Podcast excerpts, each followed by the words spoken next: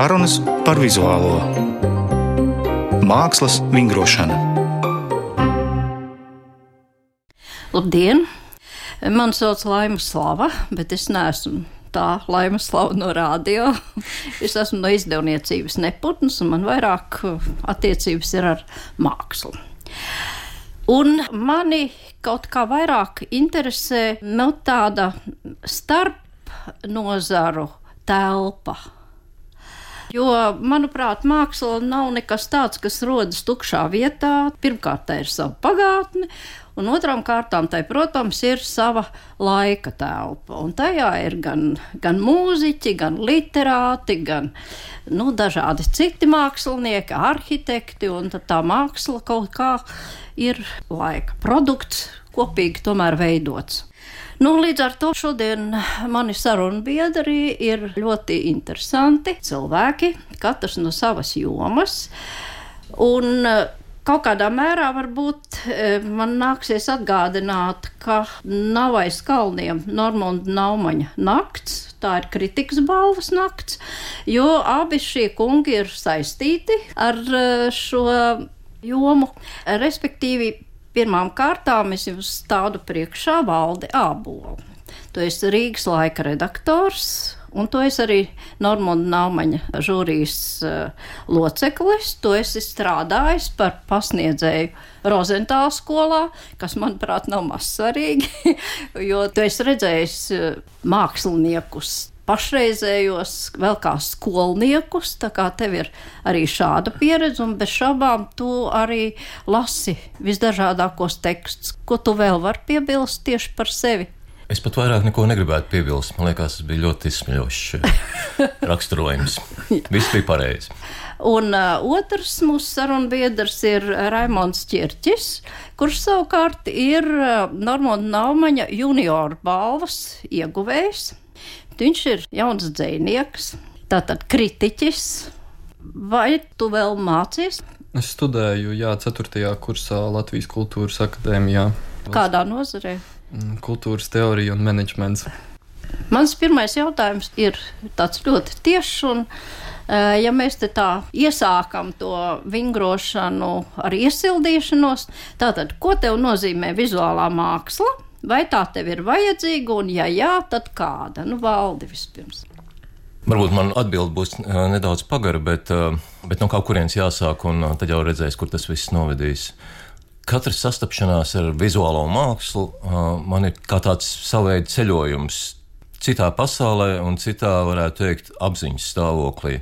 Jo katra šī sastapšanās, tā, protams, tev, tev vienkārši izsviež citā varētu teikt, realitātē. Tu uz brīdi, kamēr tu esi viens pret vienu, acis pret aci ar šo mākslas darbu, tu esi kaut kādā dīvainā starptelpā mm, starp debesīm un zemi, teiksim tā. Un, protams, šādā nozīmē šādas sastapšanās vienmēr ir uh, bagātinošas.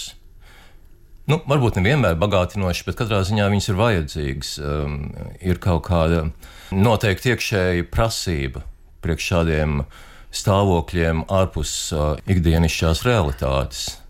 Protams, um, šeit ir atkal jautājums par to, kā mēs ikdienā vispār sastopamies ar mākslu. Un, un, un, un bieži vien tas ir izstādēs, un, un izstādēs man pašam tā lielākā problēma vienmēr ir tā, ka tur tās mākslas ir pa daudz. Tu, piemēram, tu ej izstādē, un tur ir nu, nosacīti sakot, uh, simts mākslas darbi. Tu nevari pie katra mākslas darba pavadīt desmit minūtes, mēģinot uh, viņā iebraukt un atkal izbraukt no viņa ārā, un tad iet pie nākamā. Tā kā jā, tas prasa kaut kādu zināmu trenētību, droši vien acis trenētību, ieejot, lai tu uzreiz redzi, kas ir tas, pie kā tev jāpieiet noteikti, un ar kuru mākslas darbu tu vari risināt kaut kādu iekšēju sarunu. Es nezinu, vai man šāda trenētība piemīt, visticamāk, nē, tāpēc tādās lielās izstādēs un muzejos ir īpaši es bieži vien jūtos visai apjuts, bet neraugoties visu to, es gribu teikt, ka, jā, man liekas, ka mm, bez vizuālās mākslas mana dzīve būtu krietni garlaicīgāka. Bet vai tu vari arī kaut kā noformulēt, Kas tieši ir tas uh, no vizuālās mākslas, kas tevi uzrunā? Pagājušajā reizē tika runāts par laikmatīgo mākslu un par to, ka nu, nav tik viegli viņu uztvert. Varbūt, ka cilvēki baidās Jā. mazliet no laikmatīgās vizuālās Jā. mākslas. Kura ir tā, teiksim, joma, kas tevi uzrunā? Vai tas ir jebkas? Vienkārši pēkšņi Nē, tas impuls. nav. Ne. Tas parasti nav jebkas. Nē, um, Redzi, ja mēs nedaudz apkāpjamies atpakaļ uh, un skatāmies, kā vispār uh, vizuālā uztvere cilvēkā veidojās un ko tas īsti nozīmē, tad uh, man pašam liekas, ka nu, teiksim, tas kompass iekšējais, kur rādītājs reaģē uz kaut kādiem impulsiem no ārpuses, viņš jau tiek ielikts bērnībā. Un, uh, bet varbūt pat arī cilvēks vēl viņu piedzimst. Es pieļauju arī tādu iespēju, nezinu. Uh, Tad manā biedrībā, un arī jaunībā, līdz pat uh, universitātes laikiem, man liekas, nebija nekādi tādi impulsi mm, vai, vai apstākļi manā apkārtnē, kas man vedinātu attīstīt šo vizuālās mākslas uztveri. Mans tēvs, piemēram, bija muzikālās audzināšanas skolotājs um, lauku vidusskolā Dundagā, un uh, vidusskolas gados viņš mums um, diezgan daudz mūzikas stundās. Centās mūs iepazīstināt ar dažādiem komponistiem, un uh, faktiski tā bija tāds ievads mūzikas vēsturē. Nu, lūk, un, uh, ar mūziku man izveidojās attiecības uh, diezgan spēcīgas jau no bērnības.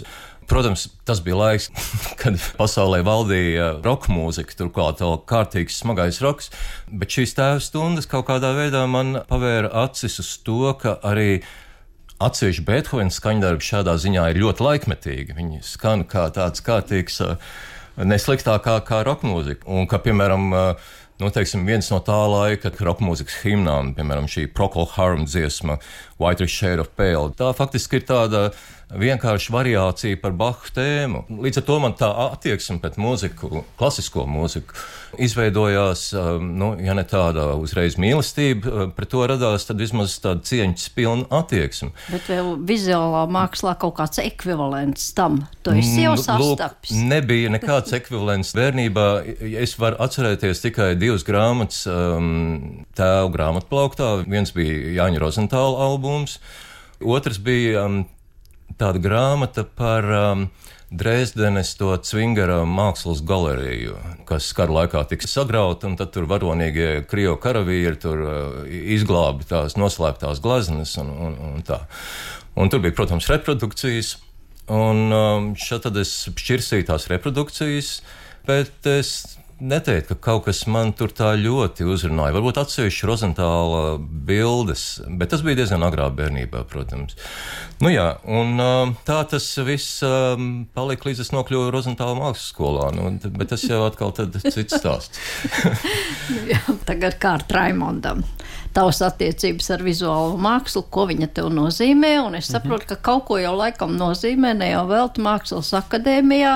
Jūs tur kaut ko esat sākuši darīt. Šeptēties, jā, jā šeptēties vārdu tiešām nozīmē, ja, ka dzēja, kuru es starp citu uzskatu par ekvivalentu vizuālajai mākslai visnotaļ, ja, ka jūs tur kaut ko darīsiet, bet eh, par sevi tieši. Mm, manas attiecības ar vizuālo mākslu ir uh, savā ziņā diezgan samaitātas. Tāpēc, ka uh, bērnībā Tāpat kā Valdim, man arī bija divas grāmatas pieejamas. Viena bija Vilhelma Purvīša glezna reprodukcija, un otra bija tāda grāmata Latviešu pastelis. Un ar tām es uzaugu, un tas bija mans vienīgais priekšstats par to, ka vizuālā māksla ir tāda skaista paskartīša māksla.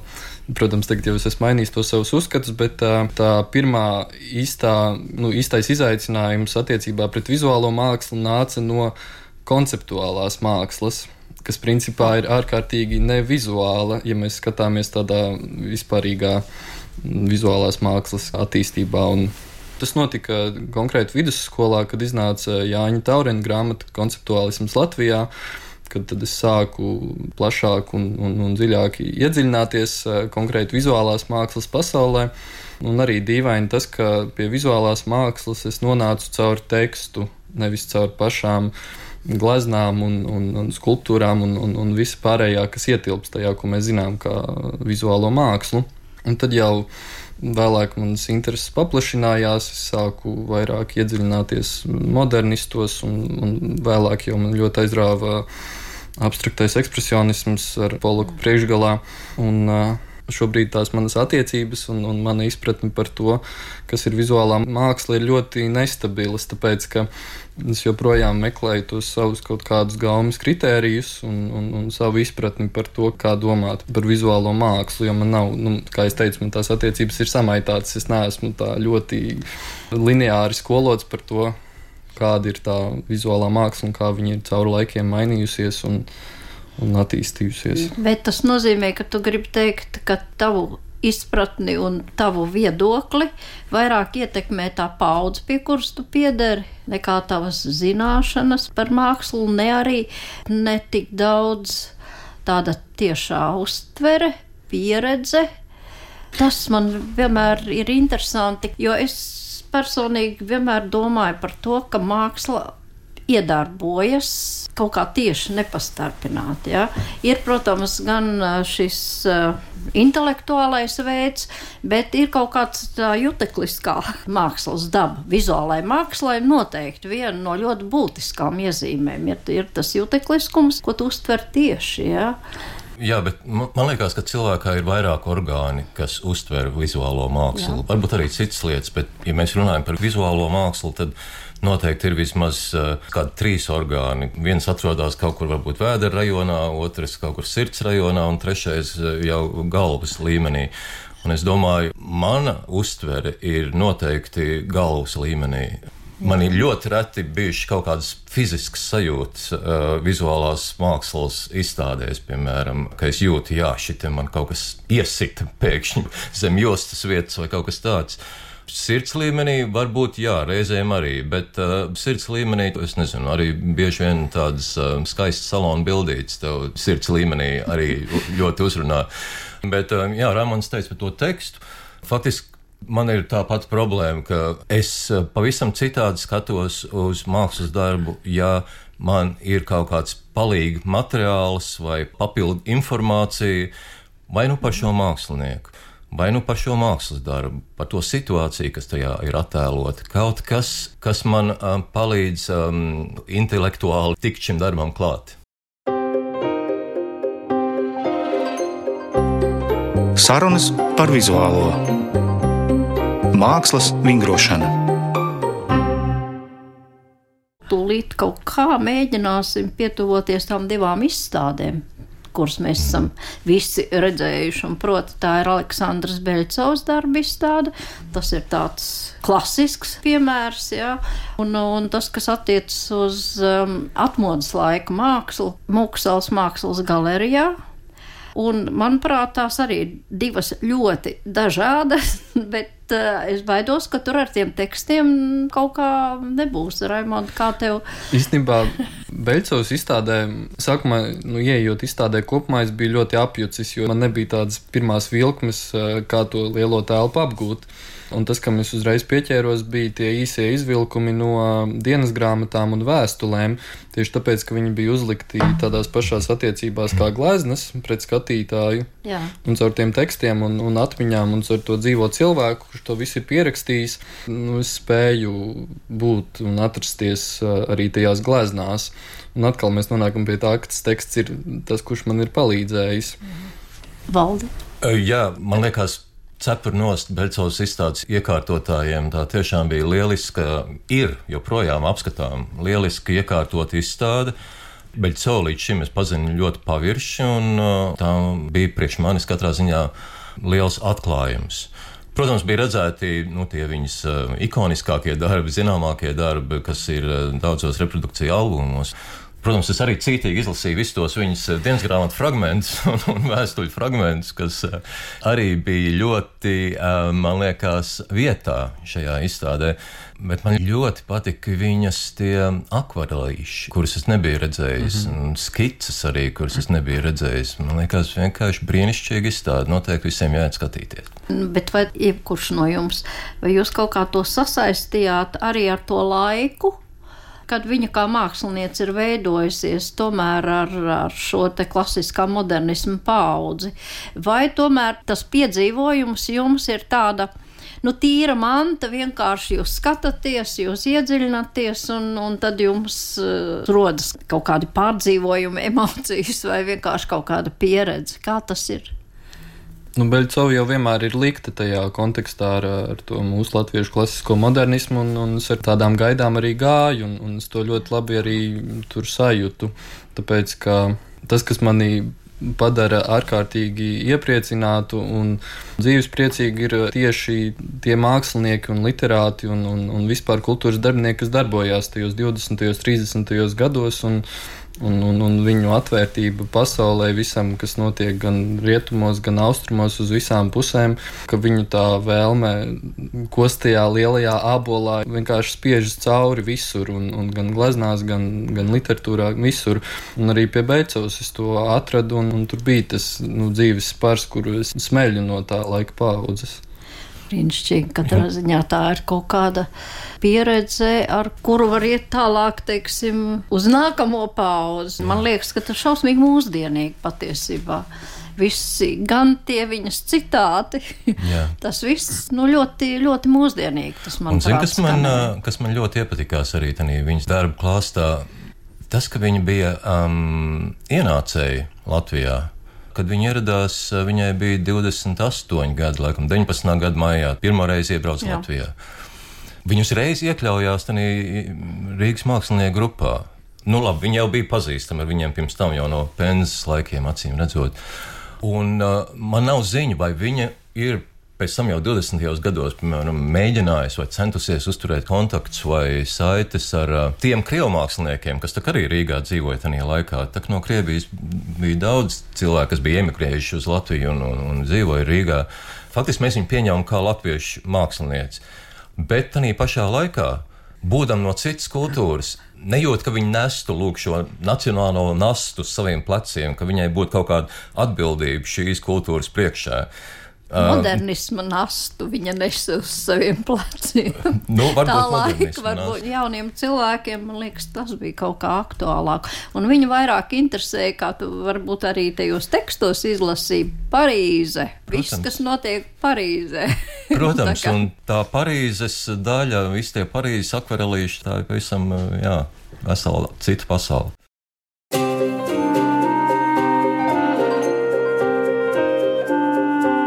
Mākslas vingrošana. Nu, mēs turpinām mūsu sarunu par vizuālo mākslu. Studijā Valdis Ābols un Raimons Čirčs un es, Laima Slava. Es labprāt pārietu pie otras mhm. izstādes, ja? Mhm. jo viņa tomēr ļoti atšķiras, taču arī savā veidā viņa jau ir kanoniska. Tie tomēr ir 80. un 90. gadi, ja? tas ir jau faktiski mūsdienām jau ir aizgājis laiks. Uz mani viņa atstāja ārkārtīgi spēcīgu iespēju. Nu, tāpēc, ka varbūt tas ir laiks, kad man ļoti patika tas, ko tie mākslinieki tajā laikā darīja, bet es arī nebiju gaidījusi, ka šī izstāde kaut kā tik ļoti spēlēs atkal ar visu to enerģiju. Kā tas jums? Tas, par ko es biju uzreiz pārsteigts, tas, ka viņa šķita ļoti, ļoti viendabīga. Neņemot vērā to, ka tur bija cik apkopoti 15 aptuveni, vai Jā. aptuveni tāds skaits mākslinieku, ka nu, viņos bija tā viena elpa un, un, un viens tas vadmotīvs, par ko viņi strādā, kāpēc viņi strādā un kas viņiem tajā brīdī ir svarīgs. Un, un lai cik viņi arī būtu atšķirīgi, viņi tomēr nesa to vienu kaut kādu galveno, galveno vēstījumu. Kopumā es vienmēr ar aizdomām skatos uz to atmodas laiku, kad uh, māksla noiet malā, un, un tad ir tas patos, kurš ņem virsroku, kas ir uh, īstenībā literatūrā diezgan liels klupšanas akmens tajā laikā. Bet, uh, bet šeit arī tiešām biju atkal vēlreiz pārsteigts par to, ka, ka mākslinieki tomēr nu, spēja būt arī gana Nu, viņi nezaudēja to savu kaut kādu māksliniecisko redzējumu un, un, un izpausmi, un, un nezaudēja savus kaut kādus estētiskos kritērijus, lai arī kādu mērķu vārdā viņi strādāja. Nu, vai mākslinieks strādā kādu mērķu vārdā, kā tev liekas? Nu, tur jau tomēr ir jūtama tā kaut kāda spēcīgā ironija vai kaut kādi noklusētie vēstījumi, kas, protams, viscaur padomu laikā ir bijuši, bet tur jau tomēr ir jūtama brīvības trakais ātrums, kuri neiznes no pamatos ārā viņu to māksliniecisko kvalitāti. Starp citu, interesanti tieši sarunā par šo izstādi ar vienu no dalībniecēm, Sandru Krastiņu.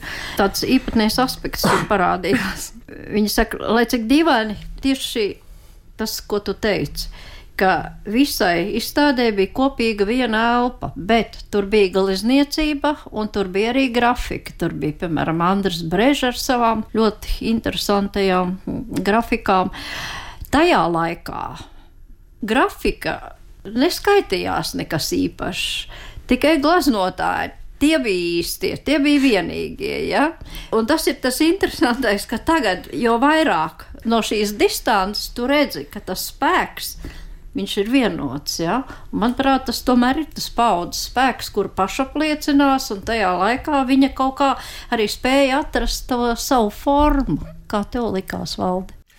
Nu, par grafiku runājot, nu, labi, es, es, es nebūšu tik kompetents, varbūt es tagad pārāk mežonīgi vispārinājumu izteikšu, bet man liekas, ka pirms uh, brēžas un pirms šīs paudzes tā mūsu grafika kopumā bija ārkārtīgi tradicionāla. Vienkārši nu, cilvēkiem jau viņa bija.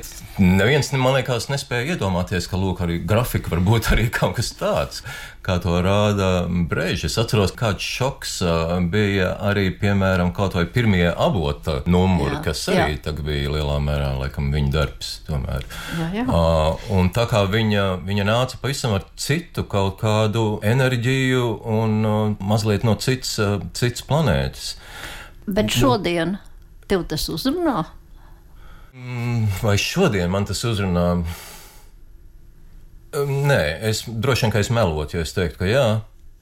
Um, bet tā kā es tajā laikā biju apzināta vecumā, teikt, un pats uh, diezgan aktīvi piedalījos, un biju daļa no tā laika un piedalījos tajos notikumos.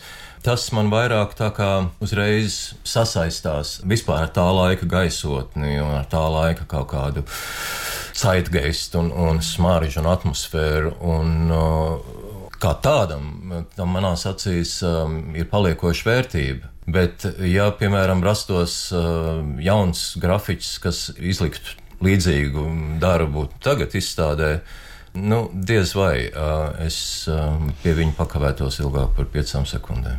Nu, bet man liekas, tā ir tāda ļoti slidena lieta. Kur... Tā ir slidena lieta. Ne, kāpēc? Tāpēc, ka es tomēr ticu tam, ka īstā mākslas darbā ļoti būtisks ir tas enerģijas lādiņš, kas viņā ir iekšā. Uztaisīt pēc formas kaut ko līdzīgu. Šodien nav jēga, jo tas noteikti nenesīs to enerģiju, ko tajā laikā tas jaunais mākslinieks tur ielika. Ja? Šīs dienas jaunam māksliniekam tā enerģija ir citāda. jā, jā, bet, nu, kā jau es sākumā teicu, to enerģiju cilvēks sajūt ar citu orgānu, acīm redzot, ne tik daudz ar galvu, tāpēc es neesmu tik jūtīgs eh, pret to enerģiju. Bet, uh, ir tāds video ekrāns arī tajā izstādē, kur dažādi cilvēki tur izsakās, un, un Sandra Krastīņa tieši pieminēja jau arī tur uh, saka, ka laikmetīgais ir tas, kas iekrīt sava laika robā. Un neapšaubām šie darbi, visi, kas ir redzami šajā izstādē, ir iekrituši savā laika robā. Bet ar ko viņi ir iekrituši savā laika robā, ja to vajadzētu nodefinēt, nemaz nebūtu tik vienkārši. Jo teiksim, tīri sižetiski. Šīs gleznās neparādās nekādas tiešas uh, atsauces uz to, kas virmoja gaisā tajā laikā, uz ielas vai ne, kas notikās. Nekā tāda tur īsti nav, um, bet tur ir kaut kādas atkal sajūtas, pa kurām es jūtos tā kā uz ļoti plānu ledus, kad par to sāk runāt. Bet, nu, piemēram, šie Sandras Krasiņas darbi par kuriem es esmu drošāks runāt, jo ar Sandru man ir bijis izdevība ar viņu izrunāties un runāt par viņas darbiem. Un, un tas man ir daudz palīdzējis arī, piemēram, šis jātnieks. Es atceros, viņa teica, ka jātnieks un vara tie ir kā varas simboli. Bet viņi ir aizmiguši uz tā zirga, viņi vēl guļ. Viņai tajā laikā bija tāda sajūta, ka nu, mums ir viss, nu, mums ir jauns sirds, mums ir jauns jātnieks, vai ne? Viss ir jauns, Latvija tikko tapusi, bet viņi guļ un ka ir jāmostās. Bet es domāju, viņai tiešām 92. gadā bija tāda sajūta, ka viss guļ un ir jāmostās, it kā atmodu jau tikko, ir beigusies. Bet jā, es domāju, arī tā ir daļa no tā laika sajūtas. Un, kad tu tā skaties uz to darbu, jā, tas uz tevi caur lūk, smadzeņu daivām uzreiz nostrādā. Man klikšķis uzreiz saprot, ah, tas ir tas. Un tie garie, maigo svārstību darbi, tie tēli, piemēram, kādā sakarā tie ir ar, ar tā laika virmošanu, ne, un visu to enerģiju. Viņi izskatās pilnīgi pēc tādiem bioloģiski runājot, bezmuguru kalniekiem, tādiem gariem, distrofiskiem tēliem, bet arī tā ir tā laika sajūta. Konkrēti Sandras sajūta par kaut kādu tādu cilvēka stāvokli tajā periodā. Raimond, kā tev? Nu, es jau uz to izstādi arī skatījos, kā uz nu, kultūru vēsturi. Es jau neesmu pieredzējis tos laikus, un nu, es nezinu, kas tajā laikā iekrita tajā robā un kas neiekrita. Un tas, ko iepriekšējā paudze ir atlasījusi, kā to, kas ir nu, iekritis, to es arī skatos. Un, un tādā ziņā man skatīšanās pieredze bija līdzīga abās izstādēs, jo tas laiks man ir nu, diezgan nepieejams. Un, uh, Un skatoties tagad uz dzīvajā ķēdē izstādītiem darbiem, es varbūt tur jūtu kaut kādu tuvību, bet tajā pašā laikā domājot par uh, savas paudzes cilvēkiem, tas tomēr ir jau diezgan tāds svešs savā ziņā kļuvis laiks. Bet vai tas ir tikai laiks, kas ir kļuvis svešs, vai arī tie līdzekļi, ar kuriem strādā mākslinieki? Tos jā, līdzekļus jā. jau tīri tehniski var atkost, bet tieši tā sajūta, tā nedefinējumā, tā par kuru īsti nevar runāt, tā ir tieši tā, kas ir pazudusi laika gaitā. Jā, interesanti, bet es atgādinu atkal, ka katrai paudzei, protams, ir kaut kas, kas ir gaisā, jā, un mhm. kas vieno, jā, visās nozarēs. Bet uh, es tomēr atceros vienmēr, ko teica arī Boris Bērziņš, mākslinieks, kas, manuprāt, bija tiešām viens no tādiem īstiem ģēnijiem mums. Uh, Viņš teica, ka mākslinieki piedzimst baros. Un tas bars ir gadus simt turp, atpakaļ. Un vienalga, kaut kur ir tev tie radniecīgie, un tad tu kā akls ej ar viņiem runāties. Tagad no jums klausoties, es tā īsti nevaru saprast, kas ir tas, nu, kas neļauj nu, tieši pieņemt kā savu Kaut arī tas ir cits laiks. Tāpat kā māksliniekam, tā arī skatītājam. Ja? Tu atrodi, teiksim, Viljamu Blēku kā kaut ko ļoti būtisku sev, kaut arī viņš dzīvoja kad stipri lielu laiku atpakaļ. Ja? Nu, tur tas viens, eh, tas bija laikam puikāna virpuļu viesulis. Man ļoti atgādināja vienu Viljamu Blēku darbu. jā. Tas viņa ilustrācijas dans, divi šie komēdija. Um, Zini, kaut kas tur varbūt ir um, priekš šodienas par daudz intensīvs. Ir grūti dzīvot ar tādu intensitātes lādiņu, kāds ir šajos darbos. Nu, tas nav ikdienas režīms. Un arī uh, tāds režīms ieslēdzās um, reizi, es nezinu, simts gados varbūt.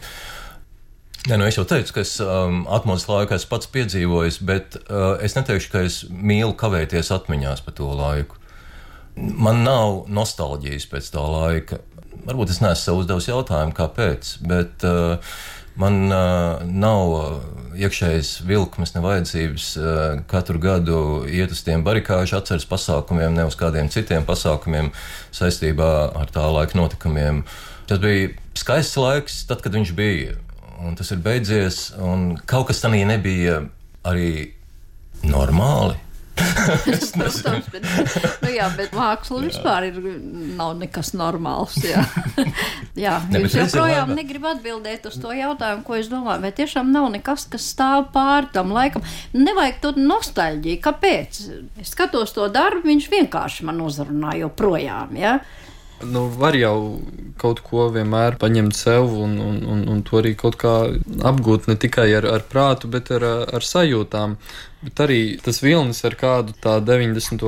un 80. gadu māksla vēlās, nu, viņš ir, man vismaz, ja viņam atļauj plūst, tad viņš kļūst tāds ļoti, nu, kaut kādā ziņā postošs un, un, un var aizraut, aizraut līdzi savā milzīgajā, labi, jau pārspīlē, bet nu, tas vārds, ko gribēju teikt, patusā. Un, uh, tas kaut kā varbūt pat nedaudz traucē skatīt uh, lietas tieši tādas, kādas viņas ir mūsdienās. Bet tas jau, protams, neatiecas konkrēti uz gleznām, kas tur bija izstādītas, un, un viņas, kurā gadījumā ir emocionāli ļoti spēcīgas. Es sapratu, paldies. Bet, Raima, vai drīkst? Es uh, reizēm aizdomājos arī par mākslas darbu vietu. Man liekas, ka katram mākslas darbam, glezniecībai, skulptūrai, vienalga, viņai ir sava ideālā vieta. Kā tev liekas, nu, lūk, šiem lielformāta uh, Mitrēvica, Krastiņas, Vērpes, Brežas darbiem. Kur tu redz viņiem ideālo vietu, kur viņi varētu stāvēt šodien? Muzejā, protams. Muzejā. 20. gadsimta otrās puses mākslas muzejā. Visnotaļ lielas zāles, pilnas ar šiem darbiem, kad tu ej un tu tiešām piedzīvo to paņēmienu laiku, tās personības, kas tajā brīdī ir runājušas. Jūs runājat tagad, viņi runāja tajā laikā. Manuprāt, tā ir saruna. Tāpat ir saruna. Mēs visi pat blakus vien esam. Ja? Bet tas pēdējais jautājums jums ir tomēr, nu, ir kaut kas, kas jums katram ir tomēr devis kaut kādu īpašu piedzīvojumu, īpašu pieredzi no vizuālās mākslas. Nu, vienu darbu, kaut vai, vai vienu piedzīvojumu nosaucat katrs. Kurš pirmais? Nu, piemēram, Francisko Goja ir tāds darbiņš suns Prādo muzejā. Un tā glezna ir ārkārtīgi vienkārša. Tā ir vertikāla formāta glezna, diezgan liela. Tur ir faktiski divas plaknes. Apakšā ir tāda kā tumša brūna plakne, kas iet pakāpeniski uz augšu, uz labo pusi. Un pārējais ir arī vienkārši tāds smilškrāsas fons. Un tad virs tā apakšējās tās brūnās līnijas ir tāds suņa galva. Pelēcīgs, tāds ar nošķukušām ausīm, un viss, un vairāk nekā tādā glaznā nav. Un tu stāv un, un, un tu nesaproti, kas tas vispār ir. Goja tajā laikā. Bet ir kaut kāda tāda katastrofiska arī sajūta. Tu iztēlojies, ka tā ir kaut kāda krauja, kaut kāds bezdibens, un tas sunīts varbūt tur ar ķepām ieķēries. Tās ķepas mēs neredzam, bet mēs redzam tikai vēl to purniņu, kas lejās ārā. Bet skaidrs, ka viņš tur kritīs lejā, jo viņš ne, nevarēs uzrāpties un, un tikt augšā kaut kas tur ir ļoti aizkustinošs. Vai, piemēram, otrā glezna, Andrew Vaieta, uh, Kristīnas pasaule, ļoti labi zinām glezna, piemēram. Nu, tur ir kaut kāds joks, tā gleznā. Tas noslēpums. Tur jā. ir tas noslēpums, jā. Raimond. Viena no pirmajiem saprātīgajiem dzējoļiem, kurus es vispār uzrakstīju, bija ekfrāzes uh, dažādām šagāla gleznām. Uh, Un, uh, tie teksti gan nav saglabājušies, un es domāju, ka arī viņas tagad negribētu vairs pārlasīt. Bet, respektīvi, tāpat uh, tas gāla vieglums tur man sākotnēji bija ļoti svarīgs un nozīmīgs. Un tāpat arī man vidusskolā skapītī stāvēja padaga Madonna ar ložmetēju Un, un, un, un tā glezniecība arī man bija tas mans viena brīdi priekšstats par to, nu, kas tad ir tas, kas man nu, patīk, ļoti triviāli sakot. Un tādu atsevišķu, atsevišķu gadījumus, kad vizuālā māksla man ir satricinājusi, tādus var uzskaitīt. Bet izstādē, tieši izstādē Piemēram, Francisa Bekona gleznas es arī varu tieši dzīvē ilgi ar muti atkāries, skatīties un, un sekot tam, kā nekustīga bilde spēja būt ārkārtīgi dzīva un mainīga un savā ziņā ļoti pretīga, bet tajā pašā laikā ļoti uzrunājoša un simpātiska. Nu, ko paldies! es saprotu, ka vienkārši ir jāiet uz izstādēm, jāskatās, un kaut kad mēs sastopam to savu vienīgo darbu. Paldies! Paldies. Nu, tā tad mūsu mākslas vingrošana beigusies. Mēs e, runājām par vizuālo mākslu, mēs e, vingrinājāmies e, starp nozaru telpā, un sarunu biedra šodien bija Valdis Ābols, Rīgas laika redaktors un dzēnieks Raimons Čirķis. Sarunu vadīju es, Laima Slava no Neputna. Raidījums tapis ar valsts kultūra kapitāla fonda atbalstu.